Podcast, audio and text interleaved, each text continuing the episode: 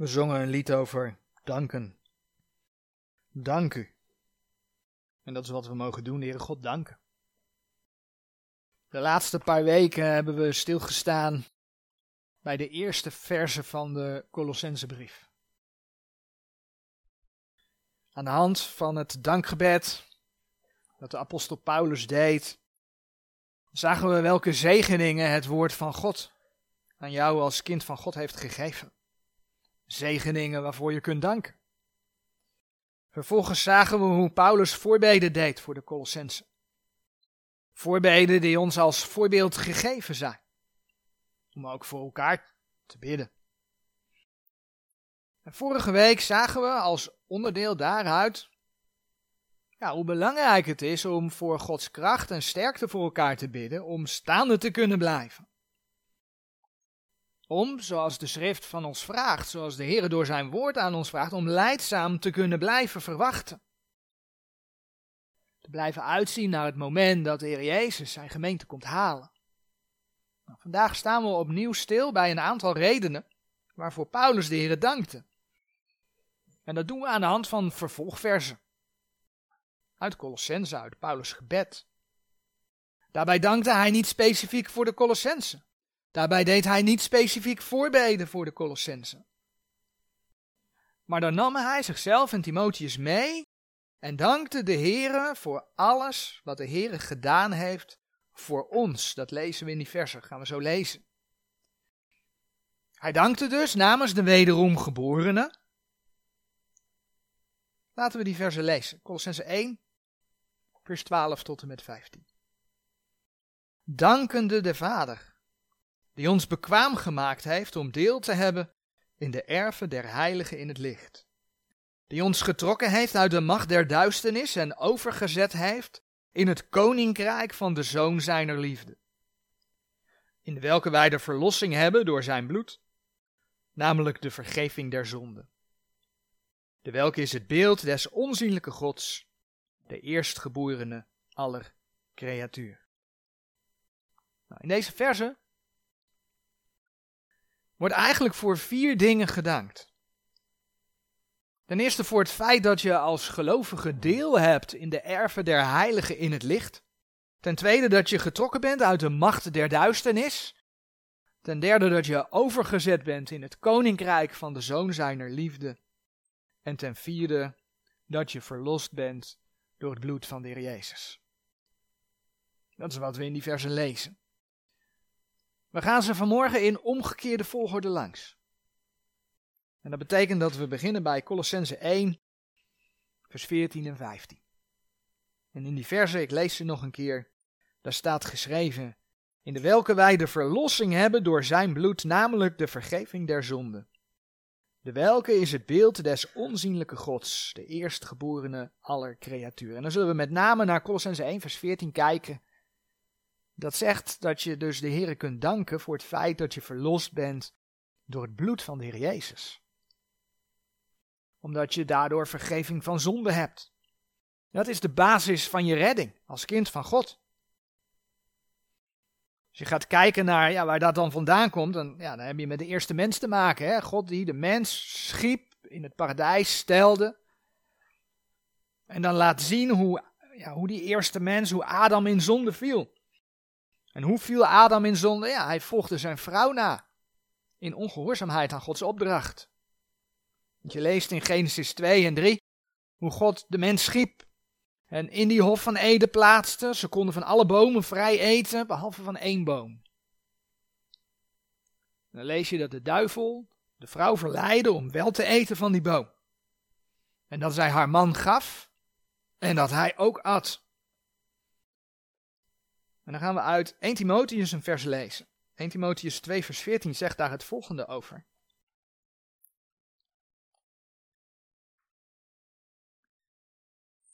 En Adam is niet verleid geworden.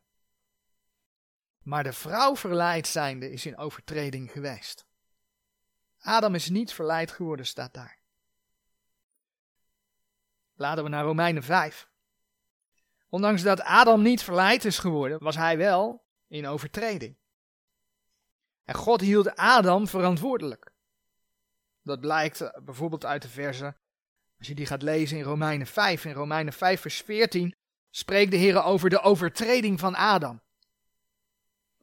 En dan zegt de twaalfde vers, daarom gelijk door één mens de zonde in de wereld ingekomen is, en door de zonde de dood, en alzo de dood tot alle mensen doorgegaan is in welke alle gezondigd hebben.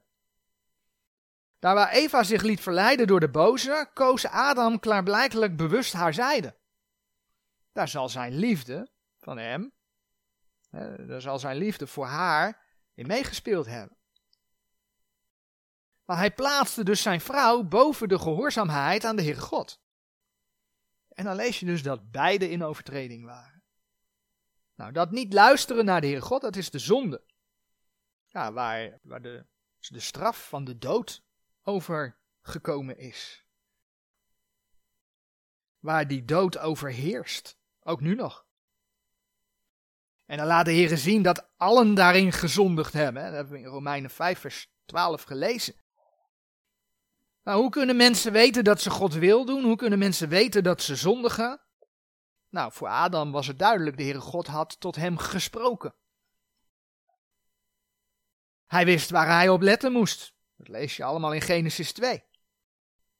Maar de mens later, hoe moesten en hoe moeten zij weten wat Gods wil is en wat zonde is? Nou, de Heer heeft het in zijn woord geopenbaard. In het begin was dat alleen de wet. Wij hebben nu het hele woord van God. In Romeinen 3, vers 20, daar zegt de Heer bijvoorbeeld dat door de wet is de kennis der zonde. Nou, wij hebben vandaag de dag heel Gods woord, waardoor we weten wat zijn wil is, maar ook wat zonde is. Maar als je alleen naar die wet gaat kijken, dan zegt de Heer bijvoorbeeld in Jacobus 2, vers 10, dat als je in één zo'n gebod struikelt, dan ben je schuldig aan alle. Dat is wat de Heer zegt. Nou, Romeinen 8, vers 3 laat ook heel duidelijk zien waardoor het komt dat we niet aan die wet kunnen voldoen, waardoor de mens niet aan die wet kan voldoen. Dat heeft te maken met het vlees. Door het vlees is het onmogelijk om de hele wet uit je eigen kracht te doen. Romeinen 8 vers 3 zegt, want hetgeen der wet onmogelijk was, terwijl zij door het vlees krachteloos was, heeft God zijn zoon zendende in gelijkheid des zondige vleeses. En dat voor de zonde, de zonde veroordeeld in het vlees. Nou, ik denk als we eerlijk zijn, en als we ons leven naast dat woord van God houden, dat we erachter komen dat we als mens ja, zondig zijn in de ogen van een heilige God. Ik denk dat je daar allemaal achter kunt komen. Dat je zelf zondig bent in de ogen van een heilige God. Je ziet het om je heen in de wereld. Maar uh, laten we niet alleen over de wereld praten, over die ander. Ook als je als gelovige gewoon naar je eigen leven kijkt, zie je het ook. Het is toch niet voor niks. De laatste tijd hebben we daar toch regelmatig bij stilgestaan dat de brieven aan de gemeente eigenlijk vol staan met waarschuwingen tegen je vlees. En de oproep om dat niet te volgen. Nou, zo maakt dan die wet, als je die leest, dat zegt Gods woord ook, maakt duidelijk dat je redding nodig hebt. Dus je kunt God niet eren uit jezelf. Je hebt redding nodig. Omdat je als mens een zondaar bent in de ogen van een heilige God. De wet kon, de wet kan niet redden, daarom is de Heer Jezus gekomen. En als we dan Titus 2, vers 14 lezen, Titus 2, vers 14,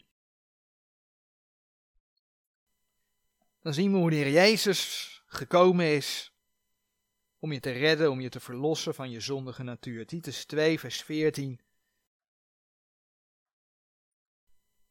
gaat over de Heer Jezus en het zegt die zichzelf voor ons gegeven heeft opdat hij ons zou verlossen van alle ongerechtigheid en zichzelf een eigen volk zou reinigen, ijverig in goede werken.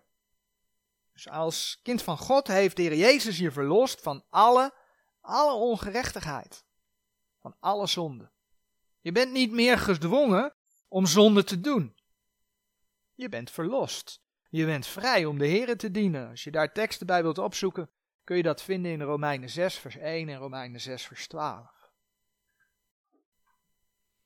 En wat we daarbij niet moeten vergeten, is dat het bloed van de Heer Jezus daarbij een centrale rol speelt. In Colossense 1 vers 14 hebben we gelezen, in de welke wij de verlossing hebben door zijn bloed, namelijk de vergeving der zonden. Dat bloed dat is niet alleen symbolisch. Dat bloed dat moest, dat was in het verleden al zo, maar dat moet, ook nu nog, letterlijk toegepast worden. Je ziet dat al in de offers van het Oude Testament, ook bij het lam van het Pascha. En we gaan uh, beginnen bij een tekst in het Nieuwe Testament, 1 Petrus 1, vers 18 en 19.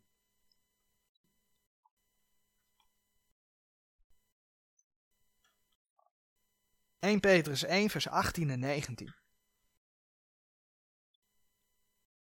Wetende dat gij niet door vergankelijke dingen zilver of goud verlost zijt uit uw ijdele wandel, die u van de Vader overgeleverd is, maar door het dierbaar bloed van Christus, als van een onbestraffelijk en onbevlekt lam. Dat onbevlekte lam, het lam van het paascha, moest onbevlekt zijn. Moest volkomen zijn, dat lees je in Exodus 12, vers 5. Dat lam dat ziet natuurlijk op de Heer Jezus. Laten we ondertussen naar Exodus 12 bladeren. Dat lam dat ziet op de Heer Jezus. De Heer Jezus die volkomen was, die zonder zonde was, daardoor voor de zonde van ja, de mensen kon sterven aan het kruis van Golgotha. Maar dat lam van het Pascha, bij de uittocht uit Egypte, dat moest niet alleen maar geslacht worden. De Israëlieten moesten dat bloed nemen en moesten dat bloed toepassen. Ze moesten dat toepassen op de deurposten van hun huizen. Alleen als ze dat deden, zou de verderver hun huis voorbij gaan. En zou de eerstgeborene blijven leven. Als je in Exodus 12, vers 7 kijkt, dan zie je het volgende geschreven staan. En zij zullen van het bloed nemen en strijken het aan de beide zijposten en aan de bovendorpel aan de huizen in de welke zij het eten zullen. Ze moesten het toepassen. En vervolgens lees je in vers 23 van Exodus 12, vers 23. Want de Heer zal doorgaan om de Egyptenaars te slaan. Doch wanneer hij het bloed zien zal aan de bovendorpel en aan de twee zijposten, zo zal de Heer de deur voorbij gaan en de verderver niet toelaten in uw huizen te komen om te slaan. Het bloed moest dus toegepast worden. Maar zo is het ook met het sterven van de Heer Jezus. Zijn bloed was de losprijs. Om jouw vergeving van zonde te kunnen geven.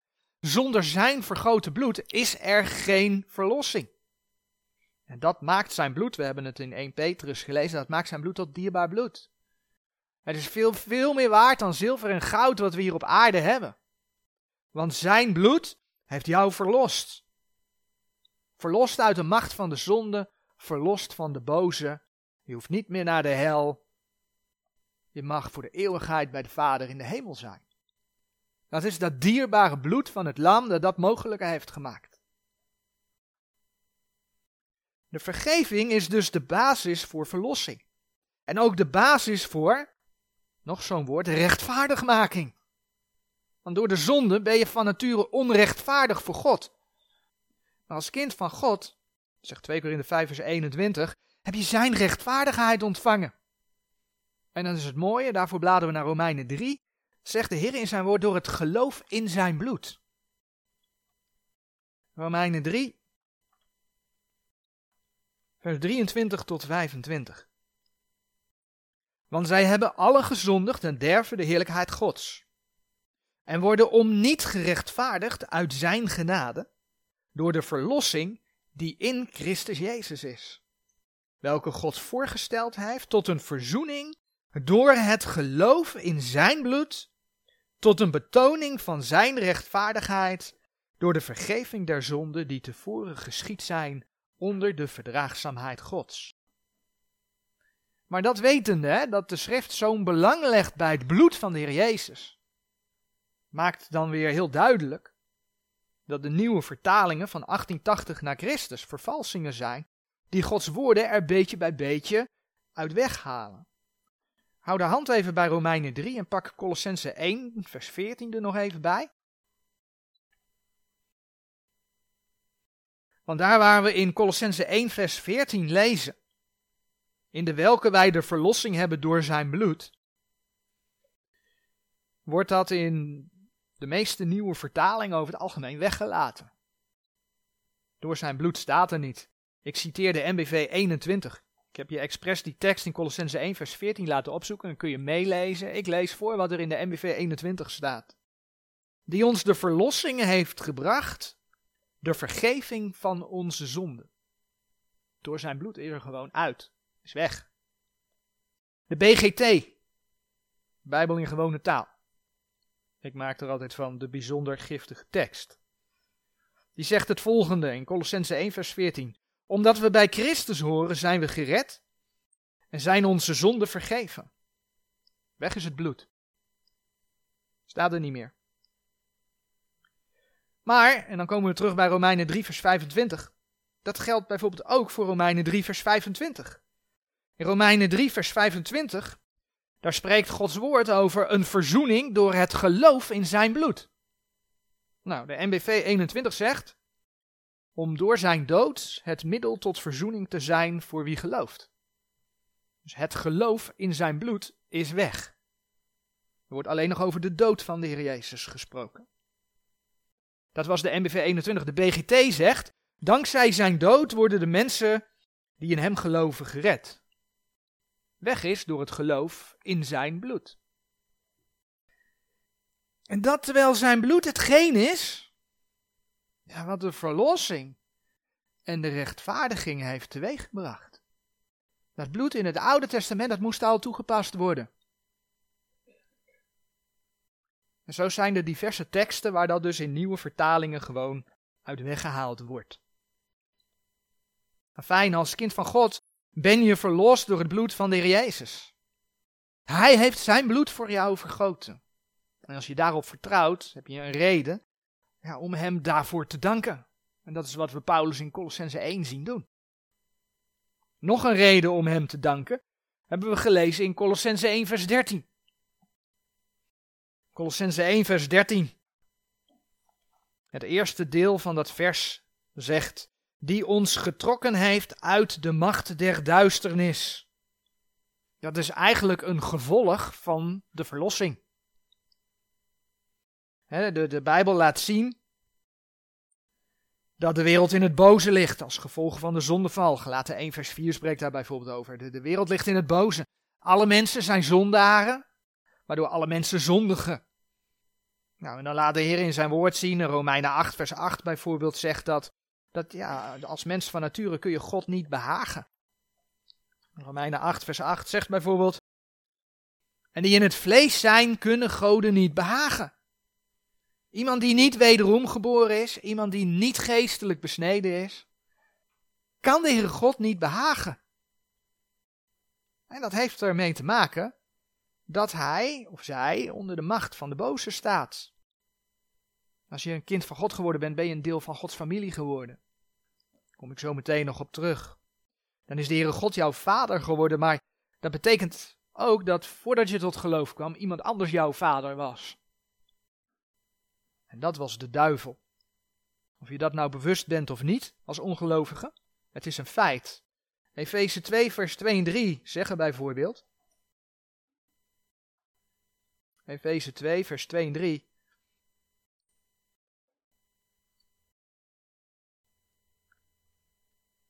In welke gij eertijds gewandeld hebt naar de eeuw deze wereld, naar de overste van de macht der lucht, van de geest die nu werkt in de kinderen der ongehoorzaamheid.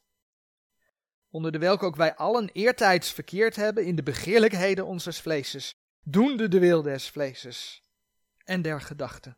En wij waren van nature kinderen des torens, gelijk ook de anderen. Als mens sta je van nature onder de overste van de macht der lucht. En je doet wat die wil. En dus leef je naar, zoals dat daar geschreven staat, leef je naar de begeerlijkheden onzes vleeses, want dat is wat de overste van de macht stimuleert. Maar is die overste van de macht de lucht, is die duivel, is dat dan de vader van de ongelovigen? Ja, je vindt bijvoorbeeld eh, in Johannes 8, vers 44, waar de Heer Jezus ongelovige schriftgeleerden toespreekt. Dan zegt hij tegen hen: Gij zijt uit de vader de duivel en wilt de begeerte uw vaders doen. Dus als je de Jezus niet kent, is, is per definitie jouw vader de duivel. Je staat, je bent onder die geplaatst als mens van nature. En daar ligt dus de reden ook voor alle zonde, alle opstand tegen de Heere God. Nou, Gods opdracht aan Paulus, en dat vinden we in Handelingen 26. Handelingen 26, vers 18. Was dan ook om de verlossing daarvan te preken.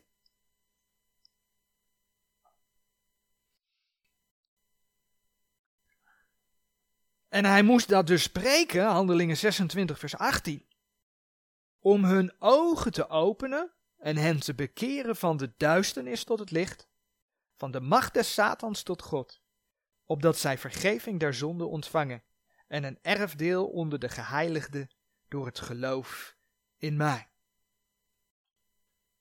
Dus de verlossing heeft ervoor gezorgd dat je uit de macht der duisternis getrokken bent. De duivel is je vader niet meer. Ja, en dat is alle reden om de Heer God te danken. Alle reden om de Heer God te danken dat de duivel je vader niet meer is.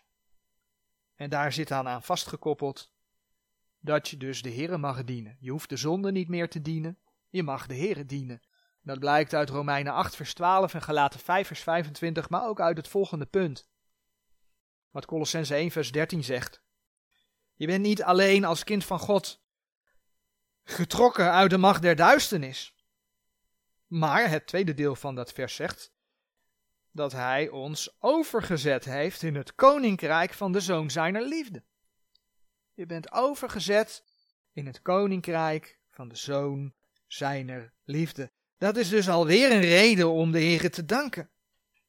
Maar, maar, maar, het koninkrijk is toch nog toekomst? We leven toch niet in het duizendjarig vrederijk? Hoe kan dat nu? Nou, het antwoord is heel eenvoudig. Het is alweer een tijdje geleden dat we daarbij stil hebben gestaan, maar de Heer, als hij het koninkrijk aankondigt, spreekt eigenlijk over twee koninkrijken. als je die boodschap wil naluisteren waar we dat over hebben gehad, is, is een preek van 4 juli 2021. Gods woord recht snijden, deel 4. Het gaat over het koninkrijk der hemelen en het koninkrijk Gods. En daar maakt de Heer een onderscheid.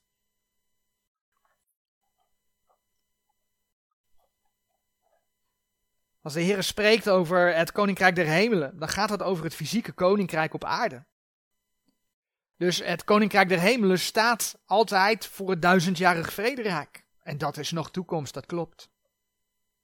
Maar op het moment dat dat duizendjarig vrederijk aanwezig is, dan is in dat vrederijk ook aanwezig Gods vrede, Gods rechtvaardigheid. En nou komt het mooie, zijn vrede, rechtvaardigheid, maar ook zijn blijdschap zijn volgens Romeinen 14, vers 17 onderdeel van het koninkrijk Gods. Dus niet zozeer het koninkrijk der hemelen, het fysieke, tastbare koninkrijk, maar het geestelijke koninkrijk. En dan komt het mooie, het zijn juist die vrede, die rechtvaardigheid en die blijdschap, die de Heer door de Heilige Geest nu ook in de gelovigen wil geven. En daarom zie je dat Paulus het evangelie van het koninkrijk Gods ook toepast op de gemeente. Hij predikte dat. En je leest dat bijvoorbeeld in Handelingen 28, vers 23. Waar Paulus in Rome is, gevangen is, en twee jaar vanuit zijn huis mag preken, mensen mag ontvangen, van het evangelie mag vertellen, en dan lees je in Handelingen 28, vers 23. En als zij hem een dag gesteld hadden, kwamen er velen in zijn woonplaats, de welke hij het koninkrijk Gods uitlegde. En betuigde en poogde hen te bewegen tot het geloof van Jezus, beide uit de wet van Mozes en de profeten, van des morgens vroeg tot de avond toe. En je vindt dat verder in de brief aan de gemeente terug. Ik, ik noemde Romeinen 14 vers 17 al, maar je kunt het ook vinden in bijvoorbeeld Colossense 4 vers 11. Als kind van God, als lid van het lichaam van de Heer Jezus, als je Hem als je persoonlijke verlosser hebt aangenomen, dan ben je onderdeel van het geestelijke koninkrijk Gods. Het geestelijke koninkrijk van de zoon zijner liefde. Je bent deel van Gods familie. Je bent Gods kind geworden. De Heere God is je vader. En je mag Hem dienen. Dat is dus opnieuw een reden om de Heere God te danken. Als kind van God ben je verlost. Door het bloed van het lam. Ben je uit de macht van de duisternis getrokken. Ben je een kind van God geworden. Je bent niet meer overgeleverd aan de zonde. Je mag de Heere God dienen. Allemaal redenen om Hem te danken.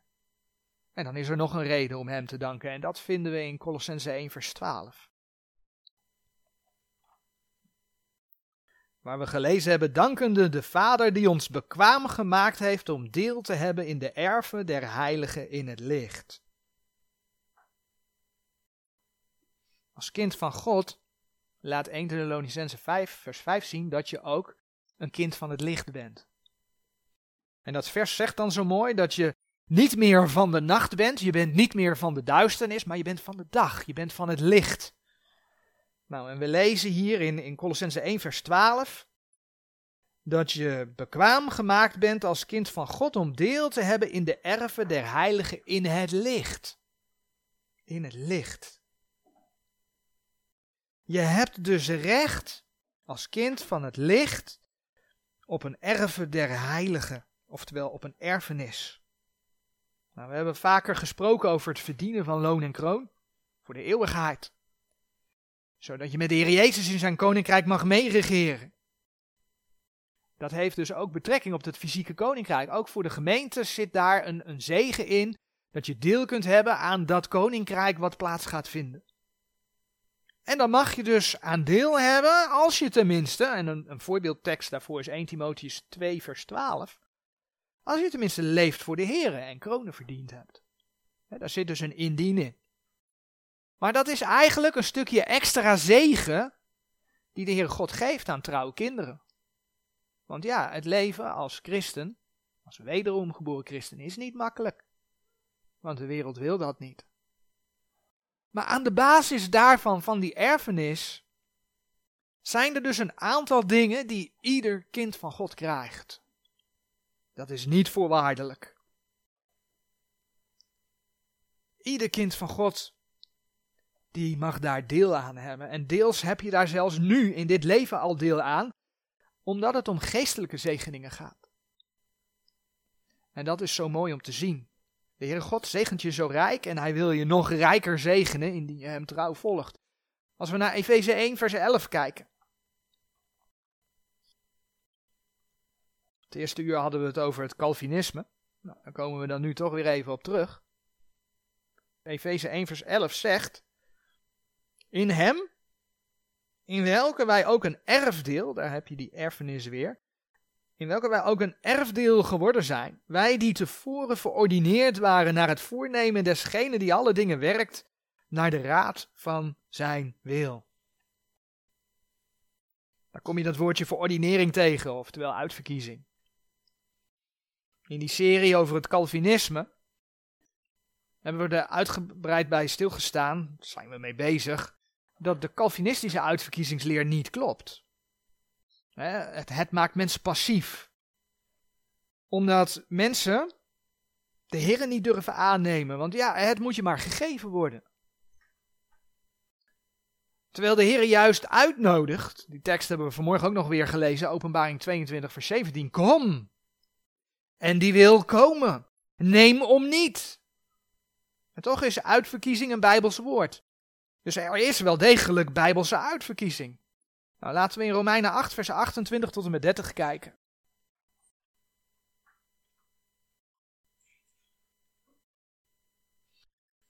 Romeinen 8, vers 28 tot en met 30. En wij weten dat degenen die God liefhebben, alle dingen medewerken ten goede. Namelijk degenen die naar zijn voornemen geroepen zijn. Want die hij tevoren gekend heeft, die heeft hij ook tevoren verordineerd, de beelden zijn zoons gelijkvormig te zijn, opdat hij de eerstgeborene zij onder vele broederen. En die hij tevoren verordineerd heeft, deze heeft hij ook geroepen. En die hij geroepen heeft, deze heeft hij ook gerechtvaardigd. En die hij gerechtvaardigd heeft, deze heeft hij ook verheerlijkt. Dat eerste vers, vers 28, zegt dus dat als je door de Here geroepen bent, dat dan alle dingen medewerken ten goede. Nou, dat alleen al is een mooie belofte en een mooie zegen. Maar wanneer ben je dan door de Heer geroepen? Nou, die volgende twee versen, vers 29 en 30 zeggen. Dat als de Heer je gekend heeft, dat hij diegene verordineerd, uitverkoren heeft. Maar ook geroepen heeft. Dat zijn degenen die hij gerechtvaardigd en verheerlijkt heeft. Maar waar begint dat? Het begint allemaal bij voorkennis. Dat is het eerste wat gezegd wordt. Allemaal bij voorkennis. En een tekst die je erbij op kunt zoeken is 1 Petrus 1 vers 2. De Heere God wist voor de schepping of je de Heer Jezus als je persoonlijke verlosser zou aannemen. Hij heeft niet bepaald dat jij in persoon de Heer Jezus zou aannemen. Hij wist dat jij de Heer Jezus zou aannemen. En dat weet hij voor een ieder. En hij bepaalde, en dat haal je uit die versen uit Efeze. Hij bepaalde dat in hem, in de Heer Jezus, je al die zegeningen gegeven zouden gaan worden. Je leest het in Efeze 1, vers 11. In hem, in welke wij ook een erfdeel geworden zijn. Je leest het in Efeze 1, vers 4. Gelijk hij ons uitverkoren heeft in hem voor de grondlegging der wereld. Zo bepaalde de Heere voor de grondlegging der wereld dat degene die hij kent, omdat ze zijn zoon zouden gaan aannemen als hun persoonlijke verlosser, dat diegenen die dat zouden doen zijn kinderen zouden gaan worden. Kijk maar in Efeze 1 vers 5 die ons tevoren verordineerd heeft tot aanneming tot kinderen, door Jezus Christus in zichzelf naar het welbehagen van zijn wil. Dat je door de verlossing, door het geloof in het bloed van de Heer Jezus, de Heere God als vader zou krijgen, ligt dus besloten in die Bijbelse uitverkiezing. Dezelfde context van Efeze 1 spreekt ook over hoe je in de Heer Jezus bent gekomen. Efeze 1 vers 13 door het horen van het woord. Door het geloven van het woord. En doordat je dan verzegeld bent met de Heilige Geest, heb je de verlossing verkregen. Efeze 1, vers 14. Met andere woorden, als je verlost bent, als de Heere God je vader is geworden, dan heb je dus ook het eeuwige leven. En je bent dan behouden. Zo hebben we in Romeinen 8, vers 29 gelezen.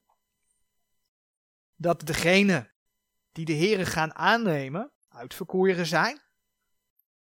En waartoe zijn zij uitverkoren? Om het beeld van zijn zoon gelijkvormig te zijn. Romeinen 8, vers 29 zegt. Want die hij tevoren gekend heeft, die heeft hij ook tevoren verordineerd den beelde zijn zoons gelijkvormig te zijn. Opdat hij de eerstgeborene zij onder vele broederen. Waar heeft dat mee te maken? Nou, dat heeft met Filippenzen 3, vers 21 te maken.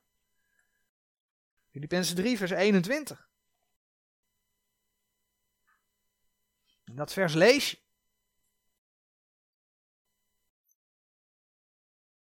Die ons vernederd lichaam veranderen zal, opdat het zelf gelijkvormig worden aan zijn heerlijk lichaam, naar de werking waardoor hij ook alle dingen zichzelf kan onderwerpen. Als kind van God mag je in de verwachting leven dat je een, want daar gaat het over, een opstandingslichaam gaat krijgen. Je gaat de Heer Jezus gelijkvormig worden. En zo zijn er vele zegeningen meer. Die God geeft aan een ieder die in hem, in de Heer Jezus zijn. Efeze 1 vers 3 laat dat zo mooi zien. Dat je als uitverkorene, omdat je de Jezus hebt aangenomen, rijk gezegend bent. Efeze 1 vers 3 zegt, gezegend zij de God en Vader van onze Heer Jezus Christus, die ons gezegend heeft met alle geestelijke zegening in de hemel in Christus Jezus. Je bent gezegend met alle geestelijke zegening in de hemel in Christus Jezus. 1 Korinthe 6 vers 17 zegt dat je nu al één geest met hem mag zijn. Je wandelen als kind van God mag dan ook in de hemel zijn. Je bent in de hemel gezet, zegt Efeze 1 vers 6. Filippenzen 3 vers 20 zegt dat je met hem in de hemel mag wandelen.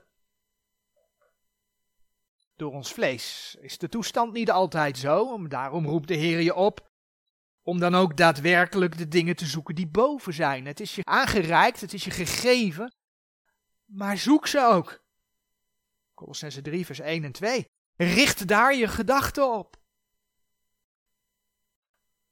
Als je daarop gericht gaat zijn, dan zul je gaan bemerken, Romeinen 14, vers 17, hè, je bent in het koninkrijk van de zoon zijner liefde geplaatst, dan zul je ook gaan merken dat je zijn vrede hebt, dat je zijn rechtvaardigheid hebt, dat je zijn blijdschap in je hart hebt. Allemaal zegeningen die de Heer je als kind van God geeft. En dan is er nog zo'n zegen, en die vinden we in Johannes 14, vers 2 en 3.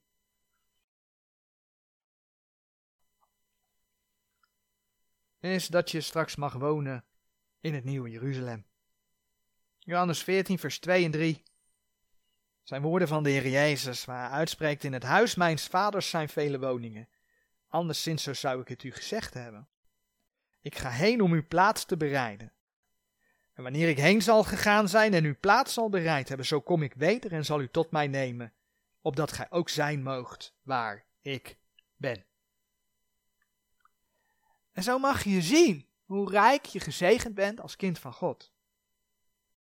Door de Heere uitverkoren om zijn kind te zijn, om de Heere God als vader te hebben, om in de opstanding de Heer Jezus gelijkvormig te worden, om een woning te bezitten in het nieuwe Jeruzalem.